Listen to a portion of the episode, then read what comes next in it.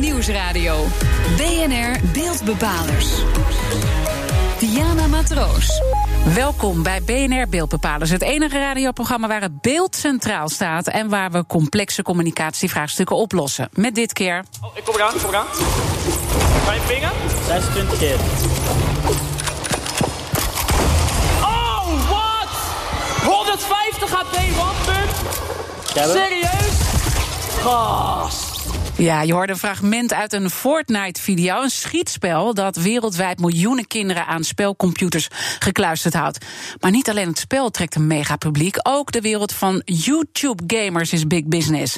Nou, hoe groei je nou van gewone gamer uit tot een grote bekendheid op YouTube? Hoe creëer je een authentiek merk en wat kunnen organisaties daarvan leren? Daarover praat ik met mijn gast van vandaag, Roy Bezelsen, beter bekend als game-YouTuber Royalistic. Welkom, uh, Roy. Die naam Royalistic, waar komt dat vandaan?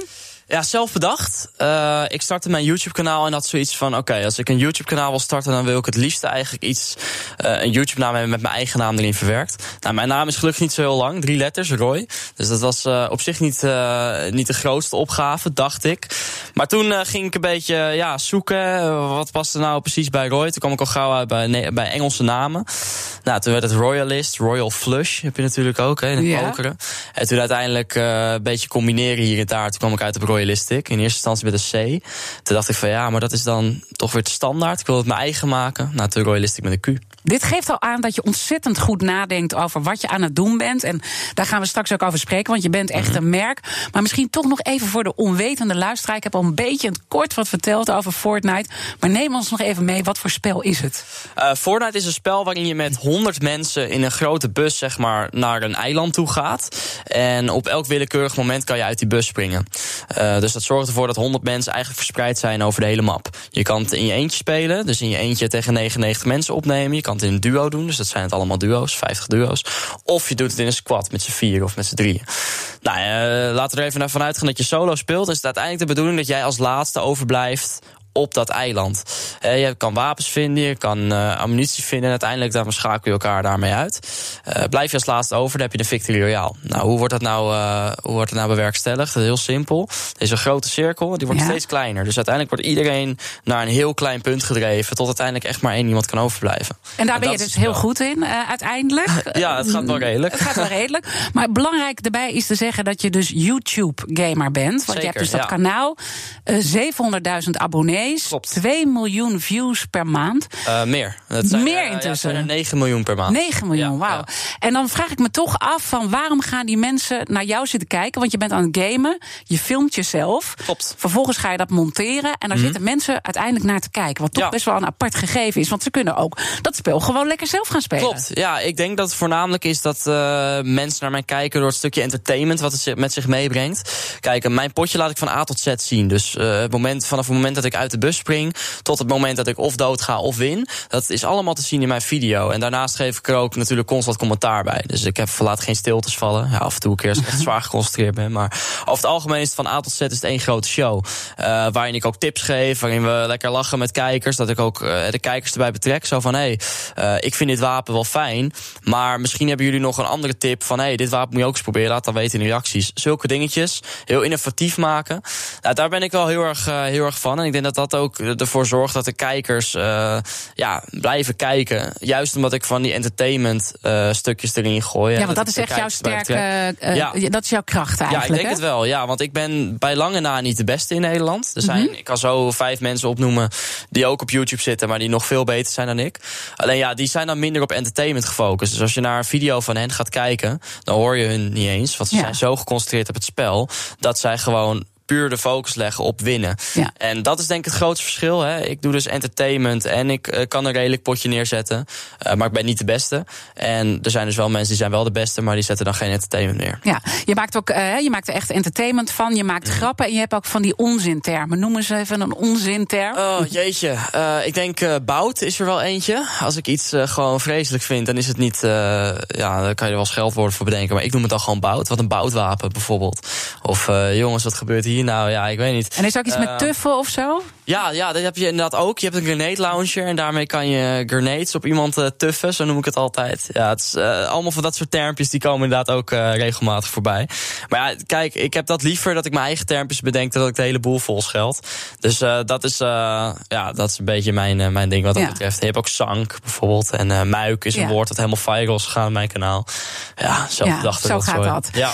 wanneer besefte jij ik ben een merk geworden? Want je begint natuurlijk gewoon als fanatieke gamer. Je bent gewoon een fan van gamen, toch? Zo gaat ja, zoiets. zeker, absoluut. Zo begint zoiets. Oh, absoluut. Het is nog steeds, ik noem het nog steeds een uit de hand gelopen hobby. Uh, maar vanaf het moment dat ik echt besefte van, hé, hey, dit is wel echt meer dan, dan gewoon even spelletjes spelen.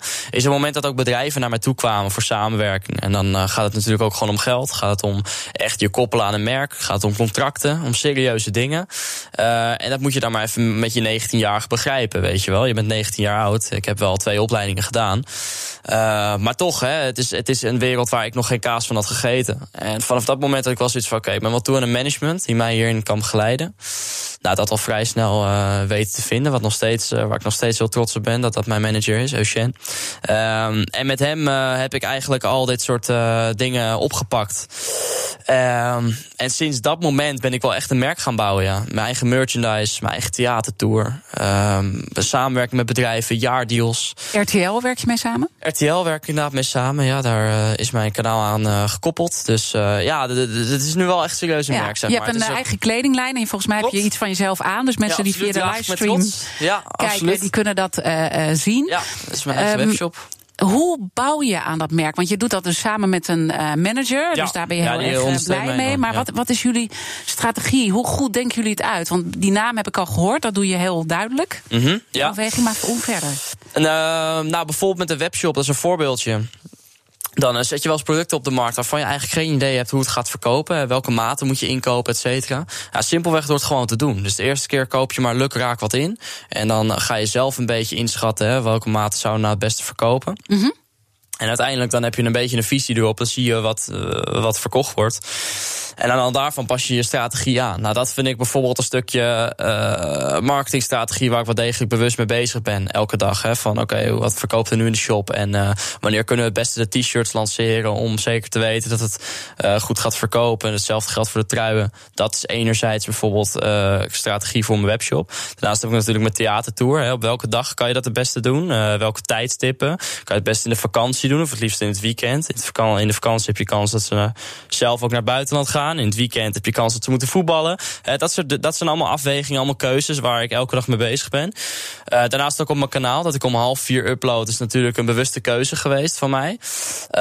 Omdat de scholen zijn rond drie uur zijn ze toch wel klaar. Nou, dan heb je of de kans dat ze al thuis zijn, of net even op de fiets, of net in de bus.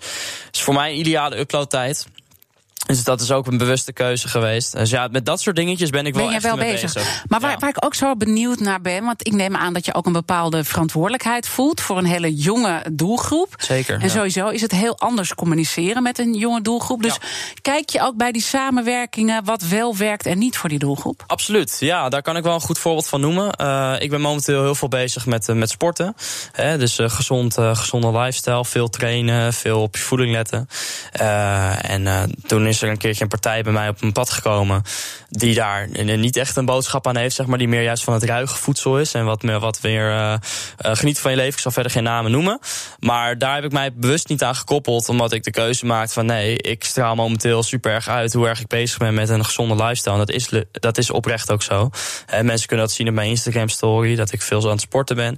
En dan past dit er niet helemaal bij. Als ik nu een, uh, Ja. een uh, frisdrankmerk of een, uh, wat is het? Oké, dus zo ver gaat het Ja. eigenlijk. Want je zou je kunnen afvragen: heeft dan die gezonde lifestyle heeft dat ook met het gamen te maken? Of staat het er gewoon los van? Ja, nee, absoluut. Of toch weer niet? Absoluut. Nee, Ja? eh, ik, ehm, ik was een beetje klaar met de gedachte dat eh, gamers over het algemeen neer worden gezet als eh, toch wel ongezonde mensen die een nou, slecht slaappatroon hebben, slecht eetgedrag, et cetera. Gameverslaafd zijn? Ja, dat soort dingen en zo. En ik, ik had zoiets van, ja, maar als, als, je veel gamet... hoeft dat niet per se te zeggen dat je ook ongezond leeft. En die spiraal wilde ik een beetje doorbreken. En dat heb ik gedaan door onlangs een fotoshoot te doen. Eh, in de sportschool van Joel Beukers. Nou, dat is ook wel een bekende naam in de fitnesswereld. en met hem heb ik eigenlijk toen een fotoshoot gedaan, dat op mijn Instagram neergezet. En eh, ja, dat heeft wel, eh, dat heeft wel de nodige. Eh, Hoe zeg ik dat? Dat heeft wel veel aandacht gekregen. Ja? En, maar, maar ook dat je merkt dat dat iets qua gedragsverandering bij jouw doelgroep ja, doet? absoluut. Ja, ik heb gewoon heel veel reacties gelezen van uh, kinderen die dan bijvoorbeeld nog 12 zijn. En zeggen van ja, Roy, ik kan zelf niet naar de sportschool. Maar je motiveert mij hier wel uh, mee om bijvoorbeeld even een keertje als ik uh, vrij heb om een rondje te gaan hardlopen. Dan denk ik wel van kijk, dat vind ik superleuk ja. om te lezen. Dat is kids, doordat ik het doe, dat ze denken van hé, hey, maar sporten is eigenlijk toch best wel leuk. En uh, weet je, je, ik, want ik heb een verhaal er helemaal bij getiefd. Ik zit super lekker in mijn vel. En nou ja, hè, ook een foto erbij hoe ik er een paar maanden geleden uitzag. Dat motiveert uh, mijn volgers wel. Dat vind ik wel heel tof om te ja. zien. En nou zegt de Britse prins Harry, die zegt van uh, dat Fortnite, dat is zo vreselijk, dat moet verboden worden. Ja, wat ja, vind je daarvan? Maar wat uit, denk ik. Ik weet niet. Uh, ik vind het een beetje onzin. Ik vind zo'n opmerking uh, vind ik eigenlijk een beetje nergens op slaan. Want? Ja, uh, het is een beetje hetzelfde zeggen als van ja, wat is een goed voorbeeld? Van ja, Nederland moet uit Europa. Ja, waarom dan? Ja, daar kan je ook zoveel redenen tegenover zeggen. Maar waarom? er is natuurlijk wel gameverslaving en het is wel een serieus probleem. En sterker Absoluut, nog, ja. je hebt wel ook aangegeven toen jij jong was dat je toch wel gameverslaafd was. Absoluut, ja. ja ik vind alleen uh, de, uh, om te zeggen, nou van ja, we moeten Fortnite gewoon helemaal verbieden en niemand mag meer spelen, vind ik niet de oplossing. Je moet ermee leren omgaan. Ja, ja uiteraard. Ja, zeker. Ja. Ik bedoel, uh, er is gewoon een manier om er, met de kindje, om er met je kinderen over te praten en een oplossing te zoeken. En dat is naar mijn, mijn, mijn beleving de beste manier om het te doen. Samenwerken met YouTubers. Hoe sleep je jouw organisatie naar het volgende level en zorg je dat je niet game over raakt? Dat hoor je na de reclame in BNR Beeldbepalers. BNR Nieuwsradio. BNR Beeldbepalers. Welkom terug bij BNR Beeldbepalers. Dit keer gaat het over games en YouTube. En hoe je een miljoenen publiek met uh, de Fortnite-speler uh, aan je kan uh, binden. ik heb nu een gast en dat is Roy Bezelze. Hij is beter bekend als game-YouTuber van Royalistic. Dat is zijn kanaal. En we gaan straks nog even kijken wat organisaties hier nou nog aan kunnen hebben.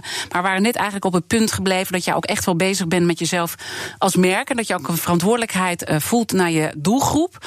Uh, hoe zorg je ook dat je echt blijft uh, op jouw kanaal? Dus dat het niet een hele grote Roy-show wordt. Want je bent wel echt entertainment natuurlijk ook mm -hmm. aan het maken. En het draait ook om jou. Ja. Uh, nou, wat ik, wat ik heel belangrijk vind, is dat je niet met te veel merken in zee gaat tegelijkertijd. Kijk, ik vind het heel ongeloofwaardig als ik bijvoorbeeld uh, in één week tijd een Acer monitor opgestuurd krijg en daar vertel van zo, kijk, wat een mooie monitor. En twee dagen later heb ik een uh, MSI monitor voor mijn neus staan. Die vind ik ook prachtig. Kijk, dan uh, vind ik dat je geloofwaardigheid niet heel erg aanwezig is. doe je dat op verschillende fronten, dus hey, één moment ben je bezig met iets live lifestyles. Ben je een nieuw spel aan het testen van een uh, speelgoedwinkel. En het andere moment ben je bijvoorbeeld bezig met een monitor. Ja, okay, dat kan geloofwaardig met elkaar matchen. Maar ik ben er wel heel erg dus mee bezig. Uh, met dat ik liever lange termijn samenwerkingen aanga met bedrijven. Zodat ik weet van uh, ja. lange tijd ben ik met jou bezig. Um, en dat is dan ook een bepaalde eerlijkheid naar je doelgroep? Ja, vind ik wel. Ja. Vind ik wel. Ja, ja. Want ik, ik heb natuurlijk wel eens. Ik ben ik wel eens een keer in de vuilkuil gelopen. Ik bedoel, uh, toen uh, had ik nog geen management. En toen was ik dus met twee verschillende merken was ik in zee gegaan in één maand. En dan krijg je ook wel reacties op van Roy, hè, een, uh, één moment vind je die monitor helemaal geweldig. En het andere moment is dit in één keer helemaal uh, geweldig. Wat, wat is het nou, weet je wel? Uh, je moet geen cel worden. Ze zijn worden. echt wel kritisch. Oh, absoluut. Ja, ja, ik wil ook niet zeggen dat er alleen maar kids naar mij kijken. Dat is absoluut niet het geval. Er kijken ook wel degelijk echt wel 16-plussers, misschien wel 20-plussers naar mijn kanaal. Die wel absoluut ook een mening hebben en die ook echt wel laten weten. Ja, ja, dat zijn dan mensen die dat soort dingen dan commenten. Ja. Ja, uh, intussen ben je gewoon een ondernemer geworden eigenlijk, hè? Dat kan ik wel stellen, ja. Ja, want ja. Je, kan er, je, je hebt ook laatst een penthouse gekocht... waar Klopt. dus uh, je die, uh, nou ja, die YouTube-films uh, opneemt. Dus ja. het gaat je goed. Mhm. Mm -hmm. nou, kan ik me ook voorstellen dat je bent bezig bent... ja, die populariteit, die kan natuurlijk wel eens afnemen. We hebben ook hier eerder bij BNR een e-sporter te gast gehad... in het programma Big Five van de gaming-industrie. Dat was Koen Schobbers. En hij zei, vanaf je 26e is het echt wel een beetje game over. Jij bent 21 ja. nu.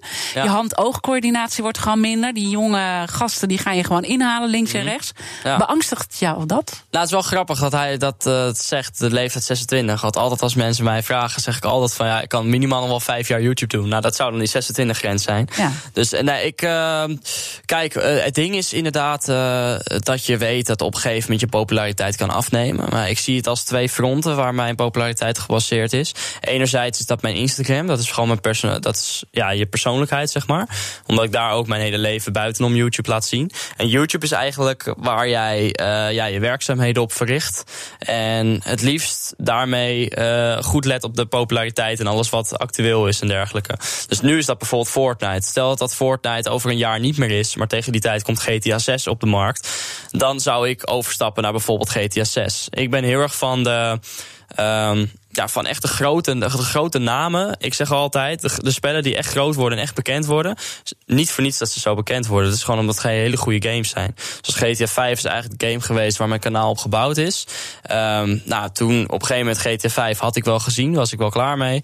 Overgestapt op Fortnite, hele goede keuze geweest. En als straks GTA 6 bijvoorbeeld komt, zou dat weer de overstap zijn. Ja. Eh, en wat leeftijd betreft heb ik zoiets van ja, zolang ik het leuk blijf vinden, blijf ik het doen. Dat is eigenlijk mijn hele simpele antwoord op die vraag. Nou hoor je ook steeds eh, toch nog even een kleine brug naar het bedrijfsleven. Want je hoort steeds meer gamification eh, wordt ingezet om te zorgen dat je medewerkers gemotiveerd blijven en beter presteren. Maar ook om klanten aan je te binden. Heb je nog een tip voor organisaties die daar op die manier mee bezig zijn? Want je bent ook een keer gevraagd door een bedrijf. Dat ging over Klopt. ICT om Ja. daar te komen spreken. Wat, wat kunnen aan jou hebben? Eh, nou, ik denk voornamelijk toen ik bij het ICT-bedrijf eh, uitgenodigd werd, die hadden al een soort van eh, game bedacht. waarin ze zoveel mogelijk klanten moesten werken, werven. Maar dat moesten ze doen door samen te werken. En uiteindelijk deden ze een beetje het Fortnite-concept, namelijk dat de cirkel steeds kleiner werd. En uiteindelijk, want door klanten werven kreeg je punten. En als je te weinig punten had, viel je af. Nou, net zolang tot de beste overbleef, zeg maar. Uh, ik denk dat daar heel veel in zit. Dat je met elkaar constant samen moet werken. En het wordt toch een beetje gecombineerd in een game-element. En wat daar de kracht van is, mm -hmm. naar mijn beleving. En als je een gaming-element eraan toevoegt. Is dat heel veel mensen gewoon constant willen winnen. Heel veel mensen die willen gewoon niet verliezen. En als je dan uh, aan iets eigenlijk heel serieus een game-element toevoegt. Willen mensen winnen. En dat zorgt er uiteindelijk voor dat je je doel bereikt. We zijn alweer aangekomen bij de conclusie. Als YouTuber heb je succes dus met je video's waarin je Fortnite speelt en uh, jezelf van commentaar voorziet. En daar kijken dan mensen naar. Je bent een merk, je bent een succesvol merk. Hoe ga je jezelf nog vernieuwen de komende tijd?